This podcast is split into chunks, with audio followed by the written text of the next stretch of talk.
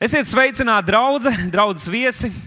Mans vārds ir Dārvids Gleške, un es esmu otrais eh, šīs draudzes mācītājs. Un, ja gadījumā kāds šeit ir pirmo reizi, un tu jau sajūties nedaudz slikti, jo tu atnāc pirmo reizi, un pat tagad nevar dabūt labāko, kas mums ir, tad nebēdā par to. Nākamā svētdienā noteikti mācītājs sludinās un kalpos. Tā kā atnāc vienkārši nākamajā svētdienā, un tu neko nebūsi palaidis garām. Uh, bet varbūt kāds grib atzīties, kurš te ir pirmo reizi. Varbūt kāds grib pateikt, jā, ar lepnumu mēs pirmo reizi ienācām draudzes prieka veids, maigajās telpās, redzu jūsu roku, vai ir vēl, vēl kāda roka, vai ir vēl kāds. Varbūt, ka tu sen nebija bijis, vēl ir kāds rokas, vai ir vēl kādi, vai ir vēl kādi. Ļoti tur ir vairākas rokas. Es zinu, ka mūsu vidū ir kādi cilvēki, kas mūs ir skatījušies tiešsaistē, tiešsaistē attālināti kādu laiku, un beidzot ir sadūšojušies atnākt. Jo kad gan vēl, ja ne dienā, kad mēs sakām, nāc ciemos, bet ļaujiet man jums pačukstēt, darbie draugi, viesi un tie, kas mūs skatāties tiešsaistē, lai gan šodien ir atvērto durvju diena, draudzē prieka vēsts, durvis ir atvērtas katru dienu plaši, plaši atvērtas.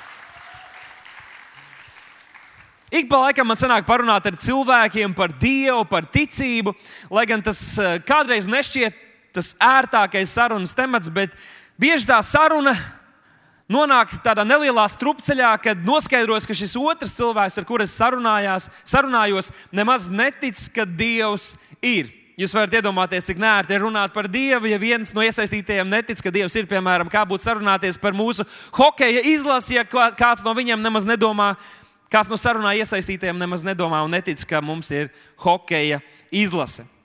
Kā atbildētu Bībele uz šādu jautājumu, kā risināt šo problēmu? Romiešiem 1,20 ir rakstīts, kopš pasaules radīšanas viņa, tas ir Dieva radītāja neredzamās īpašības, gan viņa mūžīgais spēks, gan viņa dievišķība ir skaidri saredzamas viņa darbos. Tāpēc viņiem nav ar ko aizbildināties. Bībele mums skaidri pasaka, un tātad Dievs runā caur šiem iedvestajiem rakstiem, svētā gara iedvestajiem rakstiem, ka nevienam cilvēkam visā pasaulē nav ar ko aizbildināties, jo Dievs jau sevi ir atklājis. Tātad pirms vēl Tu pieeji kādam cilvēkam, vai tev kāds cilvēks pienāca klāt, pastāstīt, vai tu redzēji kādu video, kādu liecību, kādu dziesmu, kas tev pamudināja domāt par Dievu, skatīties uz augšu, skatīties pāri šai fiziskajai pasaulē, kurā mēs dzīvojam. Dievs uzskata, ka ateistu nepastāv. Viņš vienkārši netic ateistiem. Gluži kā ateisti cenšas neticēt Dievam. Dievs saka, ka tad, kad mēs paraugamies apkārt uz visu to, ko Dievs ir radījis, mūsu sirdīs ienāk pārliecība, ka ir kāds, kas to visu ir izveidojis. Līdzīgi kā tad, kad jūs atnācāt uz šo draugu ēku, kad jūs redzējāt šo lielo namu un arī šo jaunāko daļu, ko mēs pirms dažiem gadiem ticībā uzcēlām, tiešām Dieva spēkā, un tas bija brīnums, ko Dievs darīja. Par to varētu runāt atkal un atkal un atkal. Kad jūs atnācāt šeit, jūs taču nedomājat, nē, nu miljoniem gadu garumā droši vien kaut kā tas viss ir savaidojies un izveidojies, un šie cilvēki vienkārši bija pirmie, kas ielika savu karogu šeit, un tāpēc viņi te ir. Mēs nodomājam, acīm redzot, bija kāds arhitekts, bija būvētāja komanda, kas citīgi strādāja pie tā, lai šīs ēkas taptu. Un līdzīgi Dievs saka, ka tad, kad mēs izējām ārā un mēs redzam visu Dieva roku darbu, mūsos ir pārliecība, ka tā nevar būt nejaušība. Varbūt problēma ir tā, ka 21. gadsimtā mēs pārāk daudz laika pavadām cilvēku būvētās ēkās un pilsētas vidē, un varbūt pat arī platformās, kur mēs redzam apkārt tikai cilvēku pirkstu nospiedumus. Un nepietiek mums laika vai pat drosmes iziet ārpus šīs ierastās vidas un paskatīties uz to, cik brīnišķīgi Dievs radīs. Un kādreiz pat pastoties vienkārši spogulī, redzēt, cik mēs esam detalizēti un sarežģīti un kompleksi izveidot, vai tiešām tā varēja būt tikai nejaušība. Un tātad Dievs uzskata, ka mēs instinktīvi visi nojaušam, ka Dievs eksistē. Varbūt, ka tu nedomā, un tev nepatīk pieņemt šo domu, ka tas ir Bībeles Dievs. Tu saki, kaut kāds augstāks spēks, kāda liela enerģija, kas to visu radīs. Un tomēr mēs visi pieņemam kaut kur dziļi, dziļi sirdī, ja pat to nevēlamies atzīt, ka Dievs pastāv.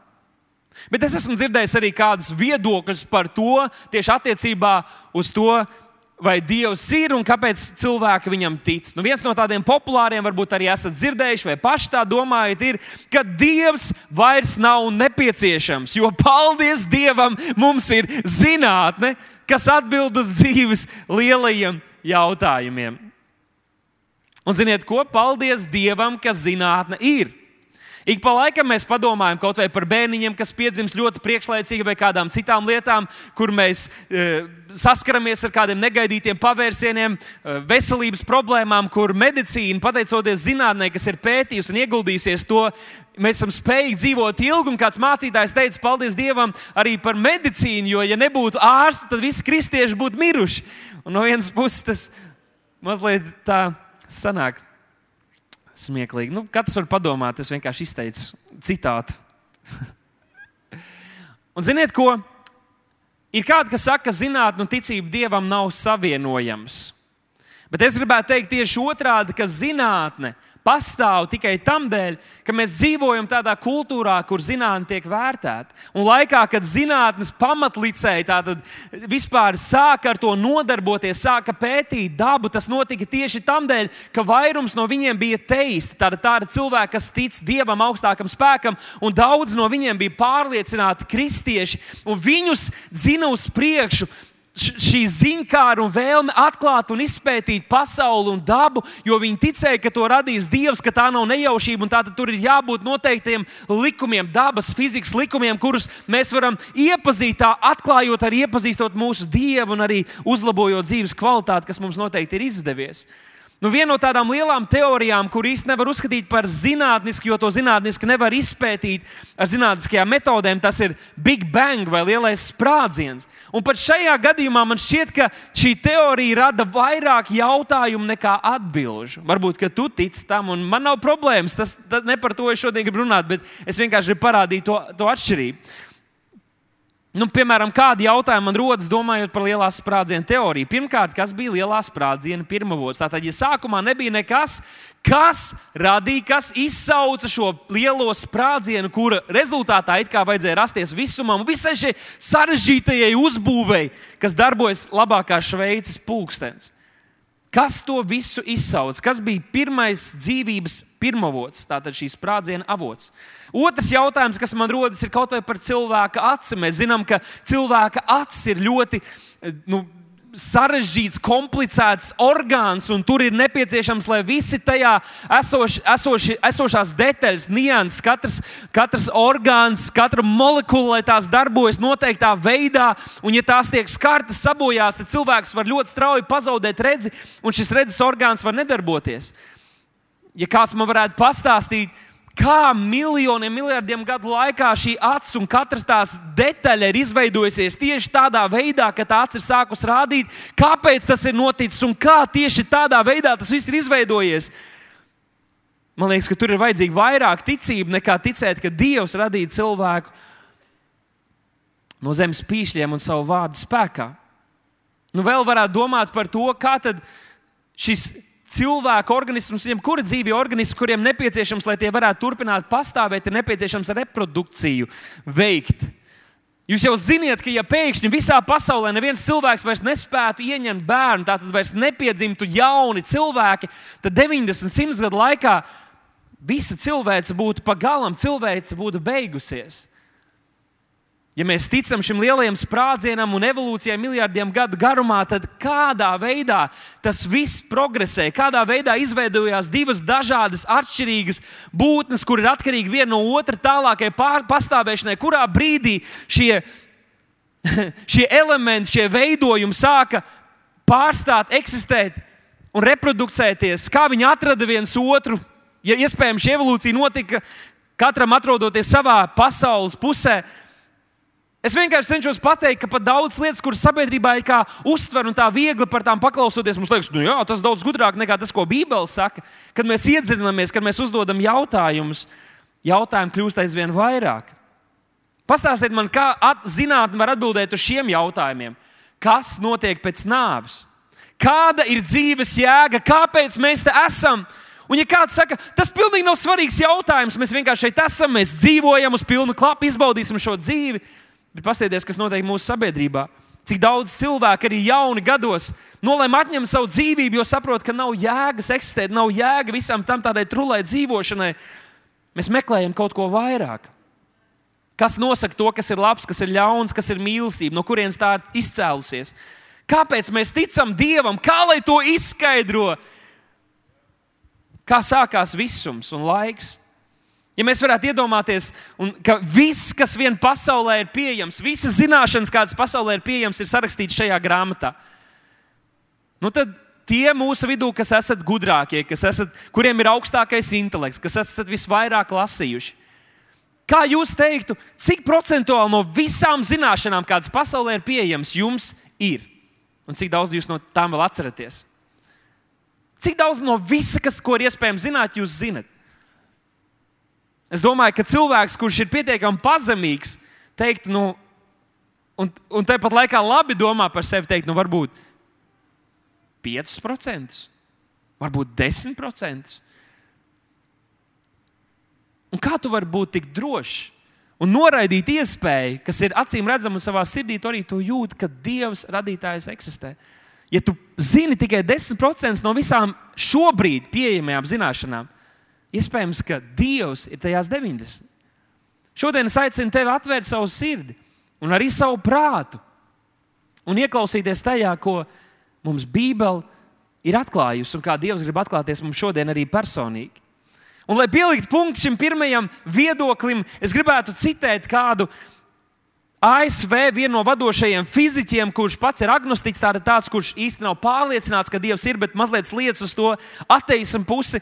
Un viņš, kad viņš izlasīja kādu pārliecinātu ateistu, kurš ir viens no tādiem agresīvākiem ateismu sludinātājiem šodien, uh, Dāvkins grāmatu Gāda Ilūžana, kas ir ilūzija par dievu, kur viņš mētājas ar dažādiem pārmetumiem, kurus mēs varētu uztvert sāpīgi, un tomēr tiem īsti nav pamatojumi. Tad šis cilvēks, kurš, kurš pats nav ticīgs dievam, viņš, viņam likās, ka tā to nevar atstāt. Viņš gribēja ieviest kādas skaidrības, viņš uzrakstīja pretgrāmatu, kas saucās Ilūzija par sātanu, kur viņš pieminēja šādu, šādu tekstu, kurus gribētu nocitēt. Tātad tas ir ASV viens no vadošajiem fizikiem, Dārvids Berlinskijs. Viņš saka, un ieklausieties, vai kāds ir pierādījis to, ka Dievs neeksistē, pat ne tuvu? Vai kvantu kosmoloģija ir izskaidrojusi visuma rašanos vai tā rašanās iemeslu? Pat ne tuvu. Vai mūsu zinātnes ir izskaidrojušas, kāpēc visums šķiet precīzi noregulēts, lai pieļautu dzīvību, pat ne tuvu? Vai fiziķi un biologi ir gatavi ticēt jebkam, ja vien tā nav reliģiska doma? Pietiekami tuvu. Vai racionālisms un morālā domāšana ir nodrošinājusi mums izpratni par to, kas ir labs, kas ir pareizs un kas ir morāls? Nepietiekami tuvu.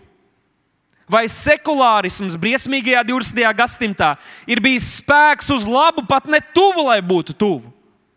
Vai zinātnēs ir šaura un nomācoša ortodoksija, tātad, ka visiem ir jādomā vienādi, pietiekami tuvu? Vai kaut kas zinātnēs vai to filozofijā attaisno apgalvojumu, ka reliģiskā pārliecība nav racionāla, pārāk tālu, lai būtu tuvu? Vai zinātniskais ateisms ir, ir intelektuāla nicinājuma, vieglprātīgs vingrinājums, precīzi mērķī. Otrs viedoklis, kādu es kādreiz dzirdu, ir, ka Dievs ir vajadzīgs tikai vājiem cilvēkiem. Varbūt esat arī kādreiz ar to saskārušies. Un, protams, ka tā skaidrā, noteiktā atbilde, protams, ir jā. Tā ir patiesība. Dievs ir vajadzīgs vājiem cilvēkiem. Bet ļauj man te paprasīt, mīļais draugs, ko tu piesauc tiešām tava dzīve iziet no tava paša rokām, kad tu saproti, ka ne tu pats, ne arī tavi draugi, ne tavi resursi nevar tev palīdzēt, kur tu vērsies.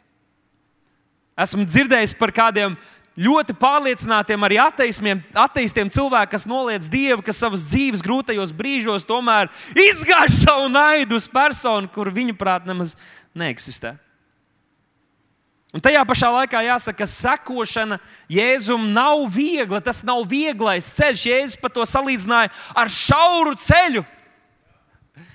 Tev liekas, ka ir viegli aizliegt sevi, ka ir viegli dzīvot nevis saskaņā ar to, kā es jūtos, kā es cilvēcīgi gribētu, bet saskaņā ar Dieva vārdu. Piedot, kad negribās piedot, palīdzēt, kad negribās palīdzēt, apstāties aizliek kādas savas iekārtas, vēlmes, kārības, lietas šajā pasaulē, kuras it kā mīsīgi mēs varbūt pat izbaudītu un tomēr teikt, nē, es izvēlos patiesības ceļu. Es izvēlos to labāko ceļu, kas ir sekot Jēzum. Iespējams, ka šodien kāds ir aizsūtījis tev linku, lai tu pieslēgtos šai tiešraidē, vai varbūt, ka tu esi atnācis šeit līdz kādam savam draugam un tev liekas, Tev liekas, tas bija viegli? Padomā, kāds tu esi. Vai tev bija viegli uzaicināt, vai bija viegli šim cilvēkam sadūšoties un teikt, atnāc uz mani draugu? Nebūtu nē, tas nav vieglais ceļš. Un tomēr Jēzus, kad viņam pārmet, ka viņš ir grēcinieks, ka viņš ir atstumto un to, kas reliģiskajā vidē bija cilvēki, kur īsti neiederējās, kad viņš bija šo cilvēku draugs, Jēzus teica, veseliem ārstu nevajag, bet neveseliem. Es neesmu nācis aicināt atgriezties no grēkiem taisnus, bet gan grēciniekus. Un tāpēc, jā, jāsaka godīgi, līdzīgi kā Linda un Kaspars arī teica, ka mums ir, lai patiesi mēs varētu sekot Kristum, vienalga, cik mēs paši savos spēkos būtu spējīgi, cik mums būtu daudz resursu, mums ir jāatzīst, ka kaut kas mums pietrūks, ka mums ir vajadzīga dievišķa palīdzība, lai mēs patiesi varētu sekot Viņam. Un tam viņš mūs arī aicina. Tā kā, ja tu esi kristietis, jā, tu esi pārāk vājš, un tāpēc tev ir vajadzīgs Dievs. Un trešais, ko es arī pa laikam esmu dzirdējis, ka es tāpat esmu labs cilvēks. Man nav vajadzīgs Dievs, jo es tāpat esmu labs cilvēks. It kā tas mērķis būtu, ka mēs ejam pie Dieva, lai mēs kļūtu labāki.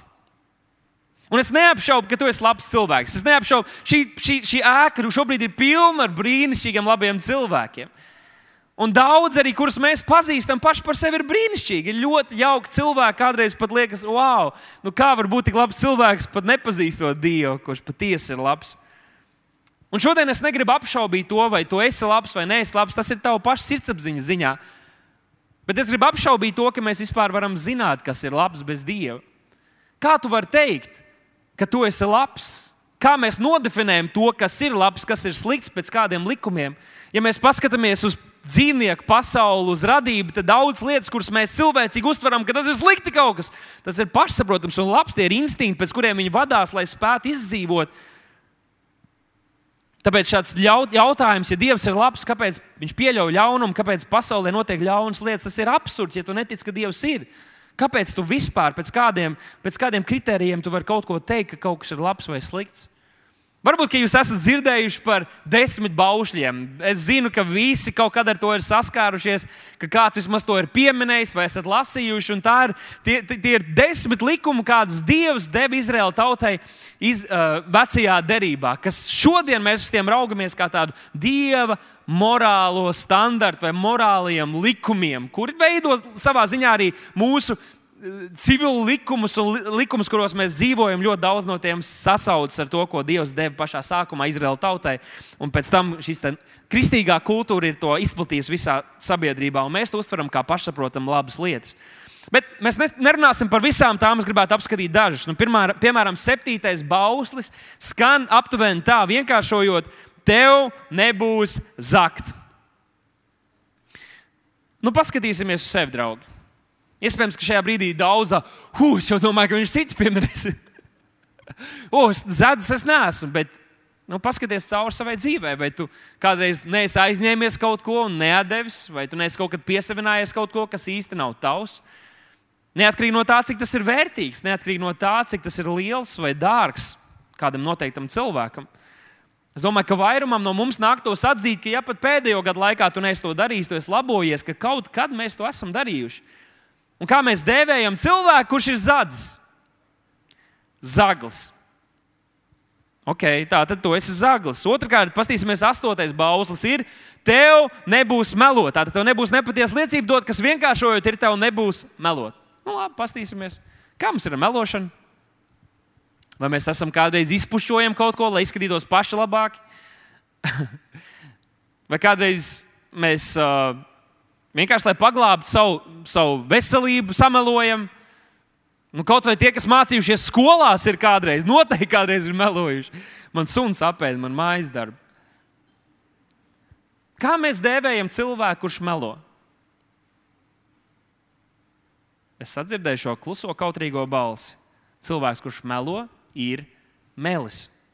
Nu, Pastīsimies vēl vienu. Viens no vecās darbības baušļiem ir arī, tev nebūs pārkāpt savu laulību. Tātad, vai pirms laulības būt seksuālās attiecībās, vai laulībā atrodoties, būt seksuālās attiecībās, vai arī nu, teiksim, dvēseliski, arī tādā inti intimitātē ar citu cilvēku, kurš nav tavs laulātais dzīves draugs.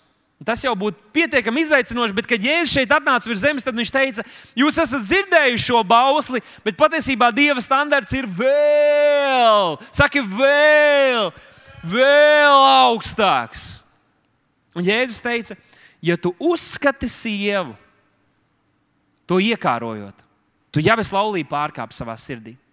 Un vecajā derībā par laulības pārkāpšanu tas bija tāds grēks, ka cilvēki bija jānomēt akmeņiem.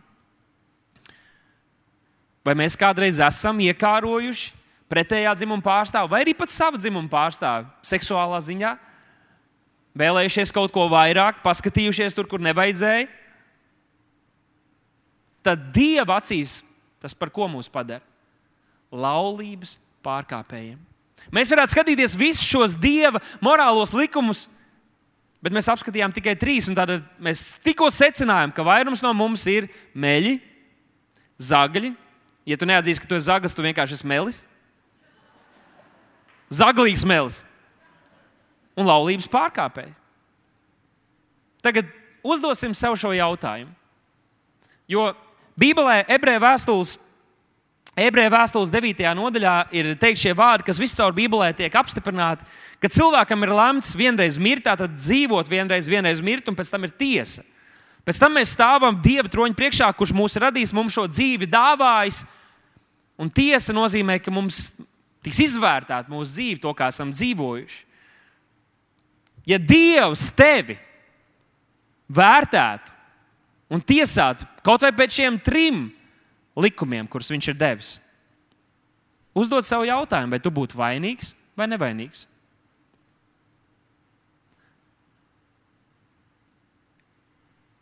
Elle vai debesis?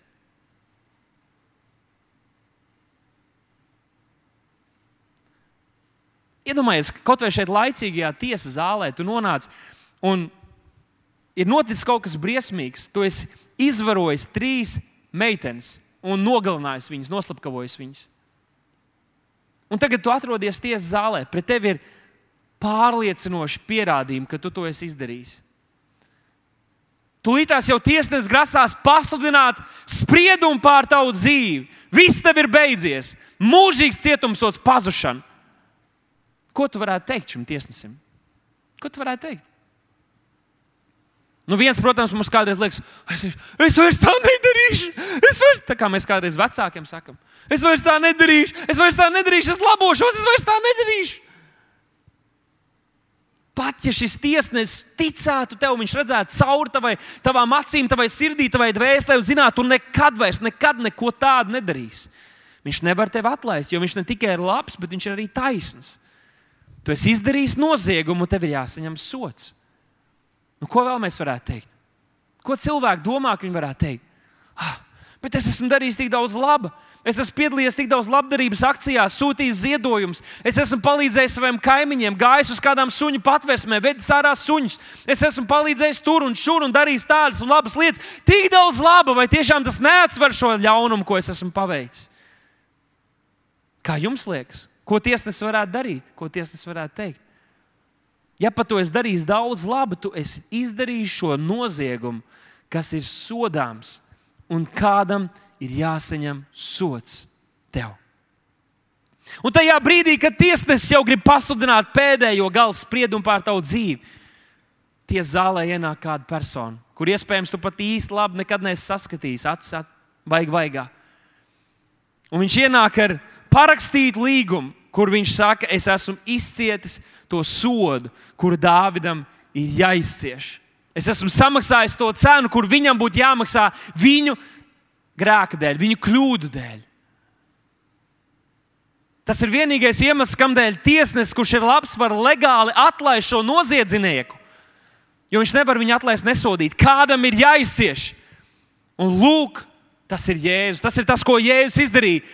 Mēs, kas mēs esam grēkojuši par Dievu, kas mēs esam kļūdījušies, kas mēs esam netrāpījuši mērķī, kas ir grēks, un mēs visi to esam darījuši. Jēzus ienāca mūsu dzīvēm, un viņš saka, es izcietu sodu, kuru bija jāizcieš tev. Es izcietu sodu, samaksāju cenu, kur bija jāsamaksā tev, lai tev tas nebūtu jādara. Lai tev tas nebūtu jāpiedzīvo, vienkārši uzticies man. Pāvils vēstulē romiešiem 3. nodaļā teica šo, šos vārdus, jo mēs visi esam grēkojuši. Un visiem trūks dievišķās godības. Tāpēc runājot arī par baušļiem, par, par to, kā Bībele attēlo mūsu dzīvi un kā mums vajadzētu dzīvot, mēs nekad neskatāmies uz cilvēkiem, sakot, rekals, tu esi briesmīgs grēcinieks un necik es esmu labs, jo es pats neesmu labs. Dievs ir labs.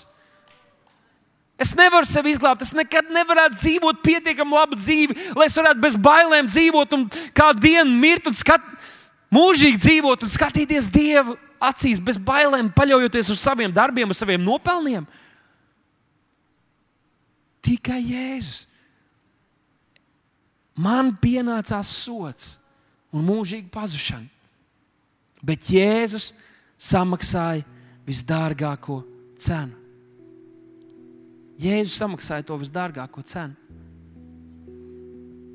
Un kādreiz es dzirdu šos vārdus par, par, kristī, par, par kristietību, par ticību dievam. Un es jau teicu, tā, tas, tas nav vieglais ceļš.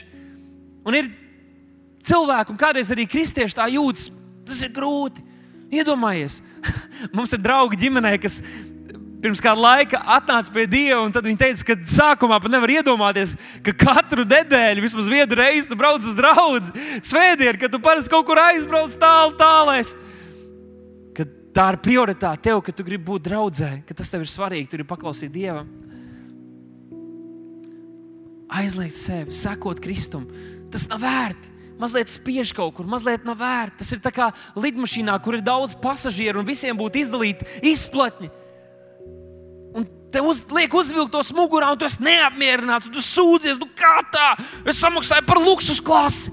Es gribēju superērti sēdēt, superērti dzīvot. Bet man ir jāvelk šis izplats. Tas ir muļķīgi, tas ir smieklīgi. Kam tas vispār vajadzīgs? Bet, ziniet, draugi, tas ir smieklīgi tikai līdz brīdim, tas ir nērti tikai līdz brīdim. Līdz tu uzzini, ka tā lidmašīna nenolaidīsies veiksmīgi. Līdz tu uzzini, ka šī lidmašīna avarē ka tev nāksies priekšlaicīgi atstāt šo lidmašīnu. Un tas ir tas, ko Bībele, tas ir tas arī, ko šie bausļi no Dieva puses cenšas mums parādīt. Nolikt mūs šādā situācijā, kad mēs saprotam, wow! Es nevaru vienkārši turpināt mierīgi dzīvot, komfortabli, jo šī lidmašīna drīz var nogāzties. Viens dzinējs jau ir saplījis, otram vairs daudz nav atlicis, nav kur nolaisties arī lejā. Mums būs jālec. Tajā brīdī Izpletnis, kurš iepriekš bija nērts, nebija ērts sēdēt, nebija ērts tā, nebija ērts pat iedzert ūdeni. Pēkšņi viņš kļūst par svētību, pēkšņi viņš kļūst par tavu atbildi, pēkšņi viņš kļūst par lielāko palīdzību, ko vien tu vari piedzīvot. Un pēkšņi tev nav nērti. Vēl stundu jāpasēž, bet man ir izpletnis.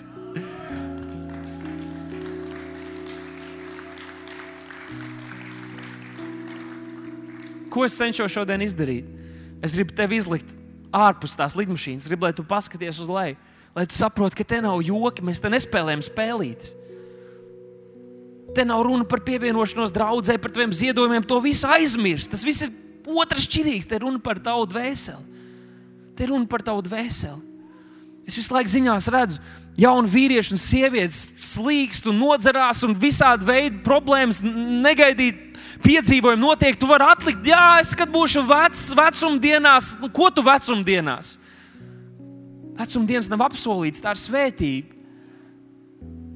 Atsaucies Dievam šodien, ja tu jūti, ka Viņš klauvē pie tavas sirds. Ja viņš ir runājis uz tevi jau varbūt gadiem, mēnešiem, tad saka, nē, nē, nē, nē. Atsaucies, dod viņam iespēju. Dod viņam iespēju. Dod viņam iespēju. Ja Dieva nav, tu neko nebūsi zaudējis ja tiešām izrādītos, ka viņš nav, nu kas būs? Mēs visi vienādi beigsim, bet ja viņš ir, ja tas, ko Bībele māca, tā ir patiesība, tu būsi iemantojis savu dvēseli, tu būsi izglābis savu ģimeni, tu būsi izglābis savus draugus, tu būsi iemantojis dzīvību. Un Bībelē romiešiem 9, 10, romiešiem 10 9. pantā ir teikts, ja tu tici savā sirdī tam, ko Jēzus ir izdarījis, un ar muti apliecini, tu izpauž šo ticību, tu tiec glābs tajā pat mirklī. Nevis pēc tam kārtējā ziedojuma, nevis pēc Bībeles lasījuma, nevis pēc Bībeles eh, draudzes apmeklēšanas gada garumā, bet tad, kad tu notic šai vēstī par Jēzu, kas ir evaņģēlijas labā ziņa, prieka vēsts, tad, kad tu notic tam, tu esi glābts. Un tu izpauž šo ticību, tu atsaucies viņam, tu atstāji savu agrāko dzīvi, savas grēcīgās lietas un izvēlies sekot viņam, tas nebūs viegli, bet tas ir tā vērts. Tas nebūs viegli.